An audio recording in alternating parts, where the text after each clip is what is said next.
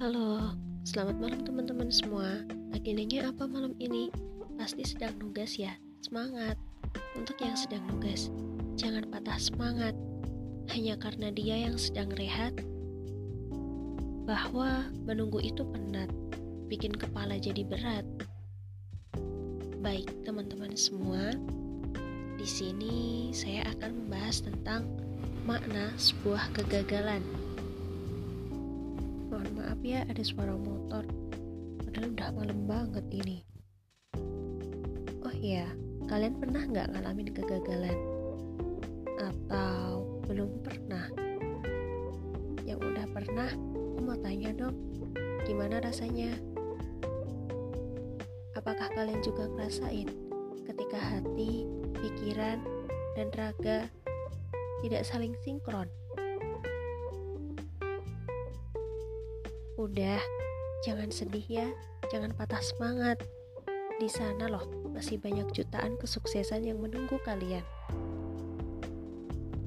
Iya, saya tahu kok gimana rasanya hati kalian ketika kalian sudah berjuang ke sana kemari tetapi belum terrealisasi.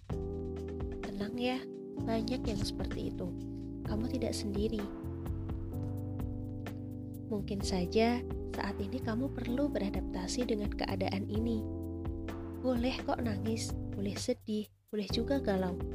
Tapi jangan terus-menerus ya, gak baik, sedih berlanjut-lanjut. Sekarang saatnya kamu bangkit. Kamu bikin rancangan apa saja yang akan kamu lakukan setelah adanya kenyataan ini.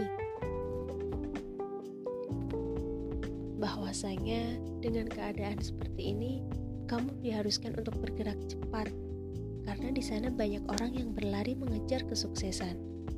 Kamu gak boleh terlambat. Ayo bangkit yuk, aku yakin kamu bisa.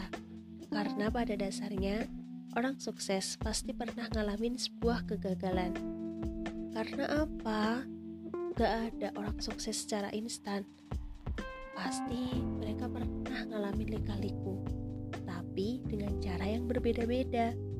Yakin aja, jalan masih panjang dan kesuksesan di luar sana, di depan sana masih menunggu kalian. Intinya, kalian hebat, kalian keren, kalian tangguh. Gak boleh ngeluh ya.